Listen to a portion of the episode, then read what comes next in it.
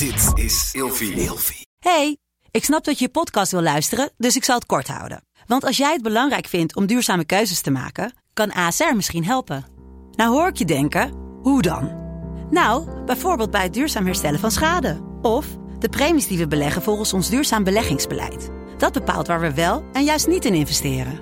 Wil je meer weten over welke duurzame keuzes ASR maakt? Ga dan naar asr.nl slash duurzame keuzes. ASR doet het. Zo, dan kan je nu lekker naar je podcast luisteren. Maar weet je, als je als commando kijkt naar mariniers, zeker in, uh, in die tijd. Ja, wat is een marinier? Uh, het is uh, voornamelijk een, een heel sterk lichaam met een hoofd gevuld met zaagsel. Want nadenken, dat zit er niet heel veel in. Heel veel sporten, heel veel hardlopen en dan voornamelijk elkaar zoveel mogelijk pijn doen. En ik denk de tweede stereotype is eigenlijk het idee van uh, ritselen, regelen, roven.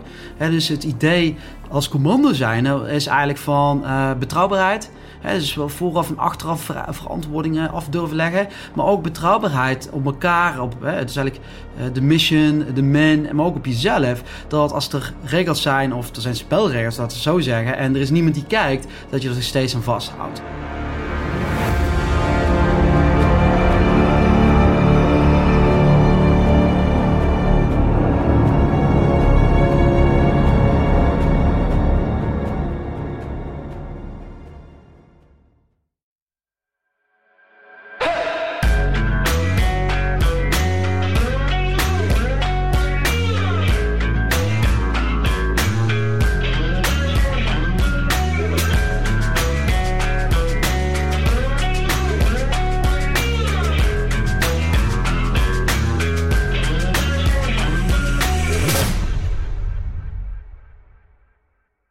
Wat ik trouwens ook vind, Mark, hè, we zitten nou uh, in de honderdste aflevering, uh, dat het tijd is voor verandering.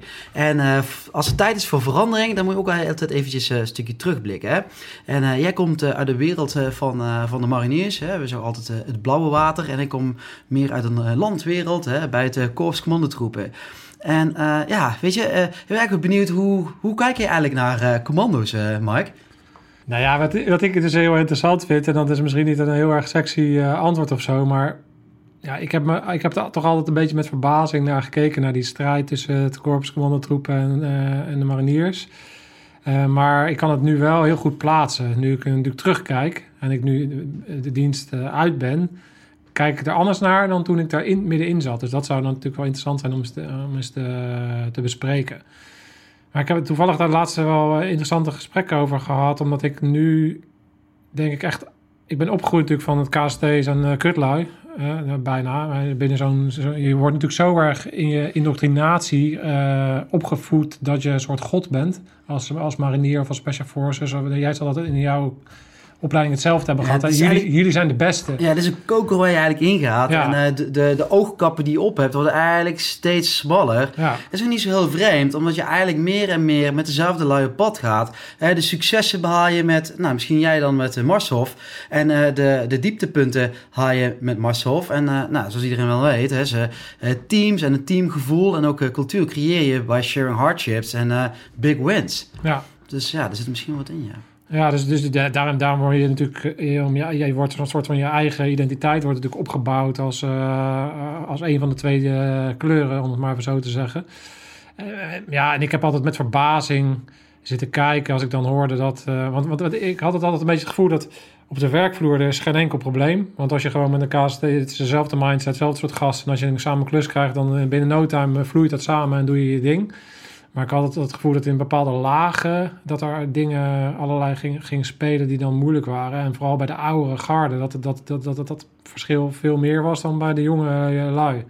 Ja. Dus, dus ik vind dat altijd heel interessant om te zien van waar, waar, waar, waar, zit het hem dan in? En ik denk dat het hem ook heel erg zit in het feit dat iedereen eigenlijk gewoon ook, dat er in Nederland zo weinig missies zijn en zo weinig te, werk te doen eigenlijk is, dat ze gewoon bang zijn voor een eigen toko. Ja. Uh, dus, dus het is fear of missing out. Jij, jij wil natuurlijk alle spannende klussen doen. En op het moment dat, dat dat een ander team is eigenlijk wat die klussen kan wegkapen, dan ontstaat er natuurlijk een soort van ook een uh, situatie die logisch is dat je elkaar naar het leven gaat staan bijna. Terwijl het eigenlijk niet echt. Terwijl je eigenlijk allebei dezelfde sport speelt. Dat is best wel gek. Ja, en toch hebben eigenlijk allebei uh, de korpsen te, maken met een ontzettend chronisch personeelstekort. Dus het lijkt wel alsof de, de pool en operators, hè, als je de DSI en, de, uh, en de, DS, de BSB van uh, de MARCC erbij neemt, lijkt wel alsof de pool, hè, de visvijver waar de vissen in zitten, de operator vissen, of die, die beperkt is. Maar even grappig wat je zegt hoor. En ik ken het wel een beetje. Ik, mijn eerste kennismaking met het korps fysiek hè, en ook mentaal, uh, was uh, de vooropleiding en de elementaire commandoopleiding. En vervolgens de voortgezette commandoopleiding. Dus uh, netto bij elkaar iets van anderhalf jaar. En in die elementaire commandoopleiding, maar ook in de, de voortgezette commandoopleiding, hadden we eerst vijf en uiteindelijk vier mariniers erbij zitten. En dan moet ik wel bekennen wat je zegt, Mike. dat maakt niet, eigenlijk niet zo heel veel uit. maar later uh, zie je wel eigenlijk dat je uh, ja, elkaar ook een beetje bevalt en uh, ook op zoek bent naar de incidenten of de, ja, de anekdotes die uiteindelijk, hè, dus de confirmation bias, die bevestigen datgene nou, wat je eigenlijk aan beeld aan het, aan het voor bent, hoe ver je in die koker gaat. Hè. Ja. commando's zijn de beste, bestaan misschien wel het langst. Dat is wat de narrative zegt, hè, met betrekking tot speciale operaties. Het Agni Carry en uh, Number 2 Dutch Troop.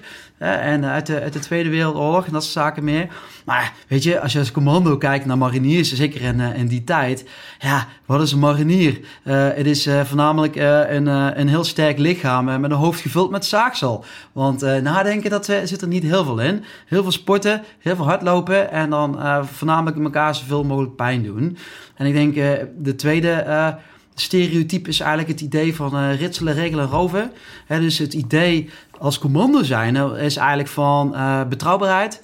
He, dus wel vooraf en achteraf ver verantwoordingen af durven leggen. Maar ook betrouwbaarheid op elkaar. Op, het is eigenlijk uh, de mission, de man, maar ook op jezelf. Dat als er regels zijn, of er zijn spelregels, laten we zo zeggen. En er is niemand die kijkt, dat je er steeds aan vasthoudt. Dus voor ons was het toonbeeld van de marinier dat als je een infiltratie of een exfiltratie had van 80 kilometer dat je moest lopen en niet over de weg mocht verplaatsen. De, elke marinier pakte ergens onderweg een autootje en, uh, nou, en die kwam uh, ja, dan maar binnen. dat is natuurlijk gestaafd ook doordat het, dat soort dingen ook daadwerkelijk gebeurd zijn. Hè. En, uh, maar het gekke is dat ik dat dus zie als een enorme pluspunt. Ik, ik, snap heel goed dat het een soort heel lastig spectrum is. Want je wil natuurlijk uh, bepaalde normen en waarden hebben. Maar wat ik wel zie is dat binnen de landmacht er een soort van uh, heel erg vastgehouden wordt aan doctrine. Er is veel meer behoefte aan regels en aan duidelijkheid. Hè. Dat zit hem ook in uh, dat, dat, dat, dat, jullie heel doctrinematig werken. En jullie ook een enorme organisatie hebben om al die doctrines op te schrijven. En dus ik vond juist, juist die dynamiek van de, van de marinier heel erg waardevol en effectief in een situatie waarin je uiteindelijk je output moet hebben. Namelijk gewoon waar het gaat om leven en dood en waarin je je missie moet halen. En, en, en het zal mij aan mijn reet roesten of je dat dan doet uh, door een autootje te regelen. Dan, dan, wordt het resultaat belangrijker. En ik snap dat daar een bepaalde integriteit en een bepaalde grens en eer en normen en waarden en dat soort dingen in zitten. En in de opleiding misschien anders is dan uiteindelijk in Afghanistan of in een oorlogsgebied. Maar ik vind dat toch wel een interessant punt waarvan ik uh, denk van ja, maar wat, waar gaat het uiteindelijk om? Maar ik denk toch dat we dan uh, eigenlijk misschien wel hier alweer een, een punt hebben waar het misschien dichter bij elkaar zit dan dat het aan de buitenkant lijkt. Want wat mij aanspreekt van het Korps Commandotroep, en wat dat betreft ben ik misschien een beetje raar, rare eend in de bijt. Want normaal gesproken, zeker als je als officier bij het korps begint, dan moet je eerst een functie hebben gedraaid als pelotonscommandant bij, liefst bij de Luchtmobiele Brigade of bij een infanterie-eenheid. En ik had het niet. Dus ik kwam eigenlijk rechtstreeks vanuit de Vanuit nou ja, het schooltje, rechtstreeks de commandoopleiding in. Dus ik heb in uh, Roosendaal ook al vaker gezegd van ja, weet je, ik ben niet, niet bevlekt of bevuild of ik ben niet begrensd door doctrinair matig denken. Maar toch denk ik dat het niet zozeer te maken heeft met de, de, landmacht en weet je, de cultuur aan zich. Ik denk dat in Roosendaal bij het Korps Commandotroepen mensen vrij gevochten genoeg zijn om juist daarvan af te kunnen wijken. En wat mij heel erg is opgevallen is dat bijvoorbeeld Sander, ook een ploegcommandant en later ook een pelotonscommandant, veel meer samengewerkt, ook op uitzending. En die had dus wel die pelotonscommandant ervaring van luchtmobiel. En waar hij heel sterk in was, hij begreep maar zeker als je met enablers werkt, hij begreep waar de een een bepaalde mate van structuur en vastigheid nodig had. En de andere kant dat de opdracht of de missie of de omgeving bepaalde ja, fluiditeit, of ik zeg altijd flow, hè, een bepaalde manier van dat de dingen gaan zoals ze gaan, dat je kunt inspelen op de situatie. En hij kon heel mooi daar eigenlijk tussen laveren. En enerzijds, hoe kun je de vrijheid pakken, de ruimte pakken, de kansen pakken in eh, de omgeving, hè, waar de opdracht over gaat. En anderzijds de mensen daarin uh, meekrijgen. En ik geloof wel, uh, nou, hebben we ook wel vaker, volgens mij hebben we vorige keer ook al over gesproken, is wat, wat voor mij als, als ja, eigenlijk als paraplu dient als je in de regen... Dus je hebt iets van een plan nodig, zeg maar, om er van af te wijken. Maar volgens mij is het bij het uh, Marinier is het ook niet anders. Want skills, drills en bepaalde procedures zijn wat dat betreft heilig. Ja. Maar dat, ja, oké, procedures, dat is, dat is één, maar er zit nog iets anders onder. Is dat er bepaalde skills bij komen kijken om dat autootje te regelen. Ook al ben je vals aan het spelen. Wat ik, wat ik als een enorme waarde zag, was dat het maakt niet uit waar ik kwam. Maar Ritselregel Marinier, die legde meteen contact met, met, met allemaal lui. Ze kenden meteen, uh, oh die doet dat en die regelt dat bij die en dus en zo. Dus als je kijkt naar een counter-insurgency omgeving, zijn dat skills die volgens mij essentieel zijn. Van heel snel, of je nou in een skihut binnenkomt en, en, en zo snel mogelijk de mooiste vrouwen bij je aan de bar hebt staan. Ja, dan kan je naar kijken en denken van ja, daar heb je die mariniers weer. Maar dat zijn skills die, als je die vertaalt naar, naar, naar een counter-insurgency uh, omgeving, is allereerst belangrijk. Heel snel inschatten wie je nodig hebt om iets te regelen.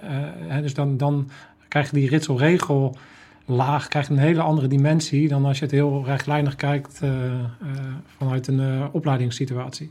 Ja, dat kan heel goed meekomen. En ik denk dat uh, als je naar zo'n uh, commandoopleiding kijkt, is precies uh, wat je net aangaf. Hè, dat, is best wel, dat is eigenlijk best wel individueel. Eigenlijk als je kijkt naar bijvoorbeeld een vooropleiding, een elementaire commandoopleiding en ook een voortgezet commandoopleiding, is meer dan anderhalf jaar. En het enige wat er eigenlijk over gaat, is een individuele opleiding van dat juist later, als je naar de, de teams gaat, past als individu past in een groter geheel. Ja. En ik denk dat dat wat cruciaal is, en volgens mij is het met het niet heel veel anders, is dat je uh, in staat moet zijn om uh, zelf in je eentje hè, de bereidheid hebt om uh, af en toe diep in, in het buideltje te tasten. Zeg maar, zowel mentaal, fysiek, ook, maar ook cognitief, om problemen eigenlijk op te lossen op je eigen level. En ik denk dat dat iets is wat uh, je in zo'n uh, zo'n commandoopleiding ook eigenlijk heel erg sterk ziet terugkomen. Wat ik interessant vind is dat, nou, ik weet niet hoe de, de luisteraars erin zitten. Ik ben wel benieuwd hoe zij dat tegenaan kijken. Of zij daadwerkelijk zien hè, dat, dat, dat, dat, dat, de verschillen juist uitvergroot zijn. Of dat ze eigenlijk, ja, wat ik meer en meer het gevoel krijg, is dat het uiteindelijk wel degelijk een gemeenschappelijke basis is waar je eigenlijk uitput. Hè. Dat het belangrijk is, is dat als, de, als er tegenslag is, is dat je omgeving komt waar niet alles van tevoren vaststaat, is dat je je mannetje kunt staan. dat, ja, alles is een teamprestatie, helemaal eens, maar je zult in eerste instantie eigenlijk je eigen broek moeten kunnen ophouden. Bij jezelf de markt als dat je in een vliegtuig zit, dat als die maskertjes naar beneden vallen, weet je, je kunt zo'n teamplayer zijn als wat. En eh, zoals Otto van Biggen bijvoorbeeld, een goede boek over geschreven heeft, en niemand is belangrijker dan een team. 100 punten, onderschrijf ik volledig. Maar je moet al eerst wel voor jezelf kunnen zorgen. We zijn geen baby's, met andere woorden, in zo'n vliegtuig ook. Als je niet in staat bent om dat masker over je eigen hoofd te kunnen plaatsen, dan ben je ook geen toegevoegde waarde voor de rest uh, van het team. Maar je zag, kijk, ik snap dat kan voor Koningsbrugge, maar een uh, heel klein uh, fractie is van natuurlijk de, de, werkelijkheid. Het is natuurlijk een totale fantasiewereld. Of nee, dat is niet helemaal waar, maar het, ik bedoel, het is niet helemaal wat het KCT is. Maar wat ik dan interessant vind aan de hand van wat jij net vertelt, je had die casus natuurlijk met dat, dat één gast eigenlijk heel erg zijn eigen plan trok. En dan over die chocoladereep. Ga je die chocoladereep dan zelf opvreten of ga je hem delen met je, met je buddies? Uh, dus help je jezelf of help je het team? Dat is natuurlijk, uh, hoe, hoe, hoe, kijk jij daarnaar dan? Want aan de ene kant moet je dus dat maskertje zelf opzetten. Aan de andere kant uh, moet je binnen het team kunnen functioneren. Waar zit de grens? Nou, als je de mij vraagt, Mark, is uh, chocolade is altijd luxe. Dus dat geef je in de rest van het team. De mission, de man en uh, ik kom wat dat betreft als laatste. Hè. En ik heb ook wat, weet je, of je, nou, of je nou de commandant van de eenheid bent of de corporaal of misschien wel, misschien wel helemaal onderaan hier waar we nu zijn bij RPTC... functional fitness, je bent de schoonmaakster, dat maakt op zich niet heel veel uit. Er kunnen nog steeds, zeg maar, leidinggevend zijn of een bepaalde rol in hebben. Dus wat dat betreft uh, denk ik, uh, chocola is luxe, is voor het team en dat, uh, ja, die geven zou ik weggeven, ja. Maar ook om dit soort dingen ook altijd te denken in verschillende tijdslijnen. Hè? Dus wat doe je op zeg maar, korte termijn, middellange termijn en lange termijn? Weet je, als je het hebt over speciale operaties, uh, wat relevant is, is de korte termijn, de middellange termijn en de lange termijn. En ik zal het uitleggen. Dus op de korte termijn uh, is die reep chocola in je eigen mik duwen en dan met het idee van, ja nee, maar weet je, dan ben ik straks, ik ben een commandant, ik ben verantwoordelijk, ik ben een teamleider. Hè, als ik, als ik energie heb, dan uh, kan ik de rest er wel doorheen slepen. Ja, dat klopt. Maar dan leg je alles bij jezelf neer. Ja, terwijl leiderschap, als je het mij vraagt, is uh, je de vraag stellen: wat hebben de anderen nodig? Hoe kan ik de anderen faciliteren dat? Hè, dus als je die chocola weggeeft, zou je in principe kunnen zeggen dat je jezelf ongeschikt voor de dienst maakt.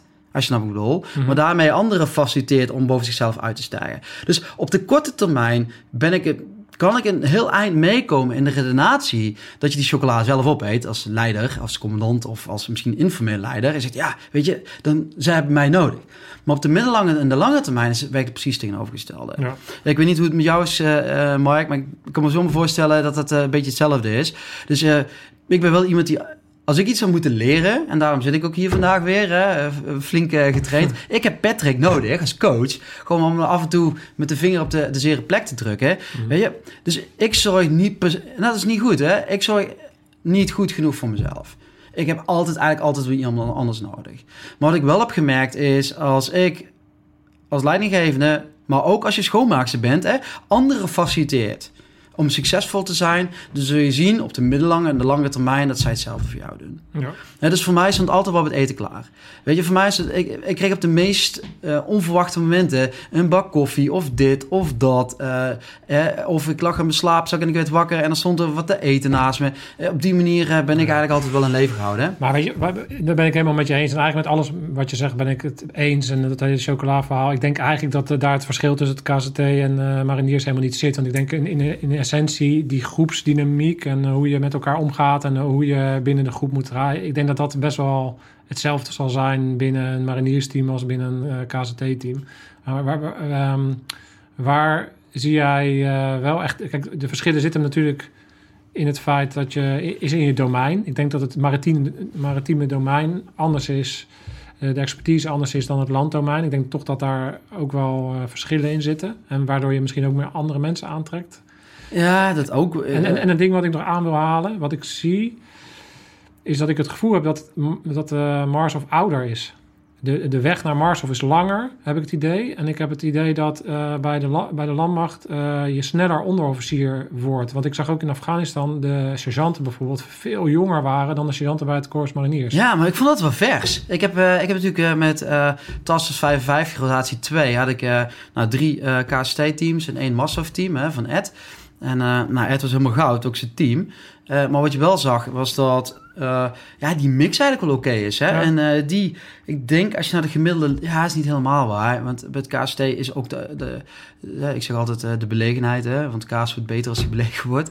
Hè? Maar de belegenheid in de teams ook wel wat, wat hoger. Niet iedereen vindt het leuk trouwens. Maar, maar bij Master zag je het ook wel, omdat je natuurlijk eerst als, hè, die, die, die, die gangen zitten ook wat anders. Hè? Dus corporaal bij bij is eigenlijk vergelijkbaar met sergeant bij het KST. En dan sergeant is weer vergelijkbaar met uh, nou ja, zeg maar sergeant 1 bij, bij het KST. Dus dat ligt allemaal net iets anders. Ja. En, maar ik denk wat laten we zo zeggen, denk uh, wat het uh, het sterkste maakt als je, als, als je een mix hebt in die teams. Mm dat die diversiteit er goed is. En die diversiteit is niet altijd dat je alles uniform moet maken. Hè? Dus dat je een jonge gast erbij hebt en um, een, een, een, vrouw erbij hebt. Je, iemand die moslim is. Snap je wat ik bedoel? Dus dat je een team maakt wat volledig divers is. Want ook, nou, John Kotter, uh, zo'n managementgoeroe, heeft er leuk onderzoek naar gedaan. En zegt, weet je, alleen maar diversiteit zorgt voor frictie en weerstand en hè, creëert niks. Heel kritisch, weinig creatief. Hè, een volledig homogeen team is niet kritisch, is wel heel creatief. Dus het gaat erom dat je een bepaalde mix hebt, hè, zowel in je team als met teams. Mhm. Dus voor mij als uh, commandant meervoudig ploeg optreden met vier teams, er zat één heel jong team bij van het KST. Er zat een uh, heel uh, ja, vast en ervaren en ingewerkt team bij. En er zat een team bij wat eigenlijk voor de uitzending bij elkaar was gezet. Hè, met een ervaren ploegcommandant, een minder ervaren plaatsvervanger, die helemaal boven zichzelf is uitgestegen en een mix van het team. En dan had je een mariniersteam, wat eigenlijk gewoon een soort, ja, zo nog eens even, een, als een soort van ja, heet die eh, serie op tv? Uh, waarbij ze in de Beringzee uh, krab gaan vangen. Echt zo'n crew, zeg maar. Ja. van die oude rotten op elkaar ingewerkt. En uh, nou weet je, in, in, in elke operatie, in elke, nou, de momenten in operaties zag je dat het ene, zeg maar, beter paste of een grotere toegevoegde waarde had dan de ander, zeg maar. Dus ik denk dat die diversiteit, zeg maar, en dan niet altijd zeg maar, op het individueel niveau, maar wel in de breedte van, uh, van de zin uiteindelijk wel kracht, uh, kracht geeft. Ja, dus jij zegt eigenlijk die frictie levert dan dus eigenlijk goede dingen op. Maar die frictie is waarschijnlijk ook de dingen, de verhalen die overblijven. Hè? Want uh, die, in, die, in die frictie gebeuren er natuurlijk dingen en zijn er conflicten. Um, en, ik denk dat achteraf, als er geluld wordt en jij gaat terug naar het KZT en en je bent weer apart, dan gaan natuurlijk bepaalde dingen uitvergroot worden en bepaalde verhalen worden doorgegeven. En daardoor wordt ook een soort van die, die tegenstelling, wordt denk ik ook een soort van um, in leven gehouden. Ja, maar je hebt helemaal gelijk. En ik ben er eigenlijk van overtuigd hè, dat het niet uitmaakt wat het is, maar dat wat het lijkt. Dus wat het lijkt is dominanter dan wat het is. Ja. Want wat het is, is opgeschreven, dat staat in de, in de boeken en daar kijkt niemand naar. Maar wat het lijkt, dat wordt uitvergroot. Zo bedoel? Ja. Dus het verhaal is dominanter, de narrative is dominanter. En de narrative, ook ik bedoel, is gewoon uh, het groezemoes, de, de chit-chat uh, op de werkplaats is dominanter dan wat daadwerkelijk heeft plaatsgevonden. Ja. Ik heb het zelf ook meegemaakt met, uh, nou, met Tas van 5 met, met Viper bijvoorbeeld. We werden opgevolgd door een, uh, een, uh, een team van Marsov. En dan zie je dat het verhaal niet is achteraf wat het was. Hè? Want er zijn maar weinig mensen die of alle operatierapporten en de evaluatie van uh, Viper 2 hebben doorgelezen. En er zijn er maar weinigen, of Taskforce uh, rotatie 2, Task 55 rotatie 2 hebben doorgelezen. En die van uh, rotatie 3 door Marshoff. En zegt, oké, feitelijk gezien is dit het verschil in de aanpak, in uh, hè, hoe ze naar operaties kijken, hoe ze plannen. Hè, want dat is ook zo'n valkuil, of tenminste zo'n uh, zo'n vooroordeel. Hè. Dus uh, commandos plannen en mariniers niet. Hè. Dat is ook iets wat uit Amerika komt overwaaien. Hè. Navy SEALs, die plannen nooit, die gaan gewoon. Hè. En, kijk, dat is Lone Survivor, die film, hè. Operation Red Wings. Mm. Hè, 19 Navy SEALs omgekomen, staat toonbeeld van. En commando's, en die, doen dat, die doen dat heel anders. Wat het is en wat het lijkt dat het is, er zit echt wel een beetje verschil in. En ik denk wel dat, uh, dat het belangrijk is om die twee dingen uit elkaar uh, te halen. Mm -hmm. En uh, ik denk ook niet dat, weet je, de chit-chat op de werkvloer en een stukje van de animositeit die ertussen zit, die, die frictie, dat de doelstelling is op het gebied van beleid of de, de hoge heren of, de, de, zoals jij dat mooi noemde, Mark, de laag die we niet, niemand, niemand die we niet kunnen benoemen. En het grappige is ook, niemand zit in die laag, hè? Ja, er zitten wel mensen in. Maar er zit, uiteindelijk is er niemand die zegt, ik zit hier niet laag. Nee. Dus dat is altijd wel interessant. Maar ik denk wat, wat je ook wel merkt, is dat... Uh, nou, we hadden net hadden het erover, hè, dat als je bijvoorbeeld kijkt naar voetbal... en je, nou, het dan over, hè, we vergelijken speciale operaties vaak met Champions League. Maar hoe zou de Champions League zijn als we één team hadden? He, voor 24, nee, misschien 22 spelers, waarbij je de 11 tegen 11 zet en die spelen de wedstrijdjes. Dat is niet heel leuk. Dat team wordt niet heel veel beter. He, dus op een gegeven moment wordt het homogeen en dan de kwaliteit wordt minder, minder, minder. Op een gegeven moment kijkt niemand meer naar voetbal. Ja. En houdt het team op te bestaan. Ja. Of je hebt een Champions League met een aantal teams erin die, uh, weet je, die uh, in een competitie zitten. Waar wel wat spelregels zijn, wel bepaalde uh, waarden, normen zijn, ook hoe je over elkaar communiceert, maar af en toe wel de randjes worden opgezocht. En waarbij je elkaar continu een drijven bent naar die topprestatie. Hè, of de toppers zelf, hè, Cristiano Ronaldo, Messi, uh, Neymar, uh, noem ze maar eventjes. Hè, ze kunnen met alle met, met elkaar toch wel één deur. Sterker nog, de meesten hebben wel in een bepaalde setting met elkaar gespeeld en tegen elkaar gespeeld. Maar ze hebben wel, dat is heel mooi te zien in die documentaire over uh, Cristiano Ronaldo. Hij heeft die ja, die druk, hè, een beetje de, de, competitie, zeg maar, heeft hij gewoon nodig om uiteindelijk zichzelf naar een hoger niveau te tellen. Als Cristiano Ronaldo zich naar een hoger niveau telt, dan zie je dat Messi en Neymar, maar ook heel Barcelona naar een next level gaat. En ik denk als je bijvoorbeeld kijkt naar uh, Marsov en het KST, maar ook bijvoorbeeld de BSB in de zijlijn erbij, of uh, de DSI, hè, weet je, die allemaal in die wereld van, nou, speciale uh, eenheden of speciale operaties zitten, nationaal of internationaal. Dat wordt ook steeds diffuser. Dat is wat we willen. We willen een bepaalde gezonde concurrentie. We willen een uitwisseling, net zoals in de Champions League of in het topvoetbal, waarbij de topspeler ook eens een keer doorschuift, of de keeper of een aantal andere spelers. En dat je eigenlijk je, elk jaar, twee jaar jezelf opnieuw uitvindt. En dat je eigenlijk het beste van elkaar bij elkaar, bij elkaar weet te brengen. En degene die onze samenleving in het buitenland of hier in Nederland ondermijnen, is dat we die een stapje te slim af zijn. Ja. En ik denk dat maar daar. Is, is zo komt dan nu de, de Champions League? Doe je dat van? Uh, nee, nee, nee. Zo, NLD SOCOM als organisatie zou eigenlijk een, eh, soort rol moeten hebben van, wat is de FIFA? Ja, oké. Okay. Die aan de ene kant een beetje de spelregels bepalen. Niet te veel, niet te weinig. Wat precies waar we hebben gehad. je wil het niet doodreguleren. Maar uh, vrijheid, blijheid leidt over het algemeen ook niet tot een goede besteding van belastinggeld. Dus je hebt een bepaalde mate van structuur nodig. Je hebt een plan nodig om er uiteindelijk in de praktijk van af te kunnen wijken.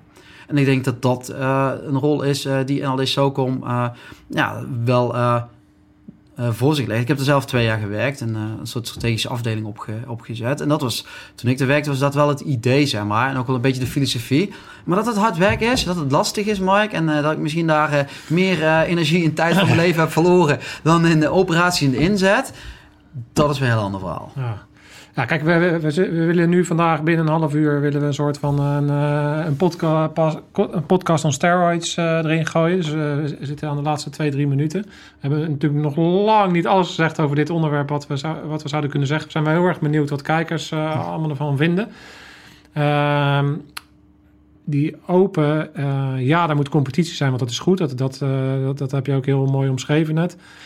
Maar het zou fijn zijn als er toch meer een soort van een gezamenlijk gevoel zou, eh, zou komen. En het nog veel makkelijker wordt om te zeggen: hey, ik wil even een keer een toertje draaien bij het KCT. Eh, als je eenmaal dat regelnummer hebt gehaald. Eh, ik, ik, draai een keertje bij de DZ, ik draai een keer bij een AT, ik draai een keer bij de BCB. Uh, dat er een makkelijkere vorm van uitwisseling staat. Soms vind je het gewoon prettig om bijvoorbeeld bij de BSB te zitten omdat je kortere missies draait. Soms wil je even bij het KST, want je wil juist in het buitenland. Soms ben je, die je kan het maritieme domein zat zijn. Ehm, wat het ook is, ehm, zou die uitwisseling juist misschien en die ja, ik, ik ben het helemaal je eens. We hebben hier al eens over gesproken, ook uh, met uh, de bedrijfspsycholoog uh, van de DSI. Hè? En ook wat een eventueel risico kunt zijn, ook van Mars of het KST, de BSB. Als je altijd in dezelfde omgeving functioneert hè, dan, en je haalt de mensen in, is op een gegeven moment ga je geloven in je eigen succes. En denk, oké, dit is goed. En nu ben je minder bereid om je op zelf opnieuw uit te vinden. Probleem is alleen dat jouw tegenstander over het algemeen iets adaptiever is dan dat wij dat zijn. En, die zal zich aanpassen. Die zal jou precies aanpakken op datgene wat jou kwetsbaar maakt. Dus we hebben er al vaker over nagedacht. Uh, dat je, nou, stel bijvoorbeeld je begint of uh, de instroom is bij uh, Marsel of het KST of bijvoorbeeld uh, bij, bij de BSB, bij de, de Marche C. En je ziet de DSI eigenlijk als een soort ja, verzamelpot. Een soort van uh, waar uh, als je bij het KST Master of BSB eigenlijk begint, hè, dat je, je gaat naar het buitenland, uh, je doet allerlei mooie opleidingen, je leert hoe het operator wer werk, werkt, je doet ervaring op. En vervolgens kan iedereen gewoon vijf tot acht jaar ergens waar jou dat past in jouw levensfase He, vijf tot acht jaar schuif je door naar de DSI.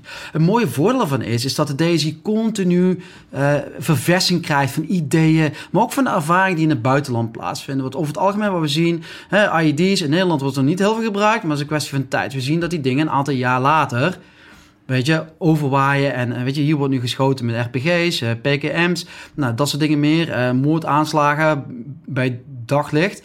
Nee, dat hebben we natuurlijk in het buitenland, is dat nou, schering inslag. Dus dat is wat je creëert. Maar wat je ook creëert, is als je dat vijf tot acht jaar doet, is dat, dat je die animositeit eigenlijk uithaalt. Dus iedereen heeft die kans om eigenlijk rond te spelen. En vervolgens, weet je, dan heb je zeg maar vijf jaar bij het KST gezeten, heb je vijf jaar bij de DSI gezeten, dan ben je een jaar of 30, 2, 33 en dan kom je terug, hè, of in de staf van de DSI, of je komt een observatieteam, of je komt bij Marshof terug als, uh, uh, als, als teamleader of ploegcommandant of als specialist. Hoeveel, veel, hoeveel, veel, veel, veel meerwaarde kun je dan creëren? Hoeveel heb je die koker waar we mee begonnen, hè, je eigen weet die dingen, oogkleppen eigenlijk meer en meer afgezet. Waarbij we allemaal onderdeel uitmaken op basis van onze identiteit. Van een, een team, hè, dat is Marcel of het KST, BSB, en van een grotere familie, iets wat de DSI is. Want uiteindelijk, wat ons ook allemaal om gaat, naast dat we spannende dingen willen doen, don't correct me wrong, vinden we ook dat we wat terug willen geven aan onze samenleving. En dat is bij de DSI, Massov, KST, uh, BSB of mijn pad. Uh, ook de beveiligingswereld en de private sector is het niet heel veel anders. Dus als overheid, als organisatie, maar ook als wij, als, ja, als operators of als teamleaders uh, onder elkaar. Weet je, hoe kun je een cultuur, hoe kun je een sfeer creëren dat we met z'n allen bereid zijn om ja, de ander te faciliteren om succesvol te zijn? Ja, nou, helemaal. Ehm, het is grappig dat jij eh, natuurlijk uh, het voetbalvoorbeeld erbij had. Ik denk dat dit onderwerp KZT versus Marshof net zoiets als voetbal. Iedereen die daarin zit, die heeft er waarschijnlijk verstand van en die heeft er ook een mening over. Dus laat je mening vooral horen. Wat, wat, is jouw ervaring bij Commando? Heb je iets met mariniers gehad of andersom? zijn ervaringen positief, negatief? laat het vooral in de comments weten. Ehm, ja, laat weten wat je dan interessant vindt en wat we verder kunnen uitdiepen. Wij willen eigenlijk, dit is de honderdste podcast, maar we willen het uh, korter, snappier en uh, vaker uh, doen. Dus Gijs en ik zullen vaker tegenover elkaar zitten en dit soort dingen gaan. ja, leuk. En hey, dames en heren, houd het constructief en dan pakken wij er iets uit waar we de volgende keer wat meer in de diepte ingaan. Top. Alright, scherpschutters. Uit.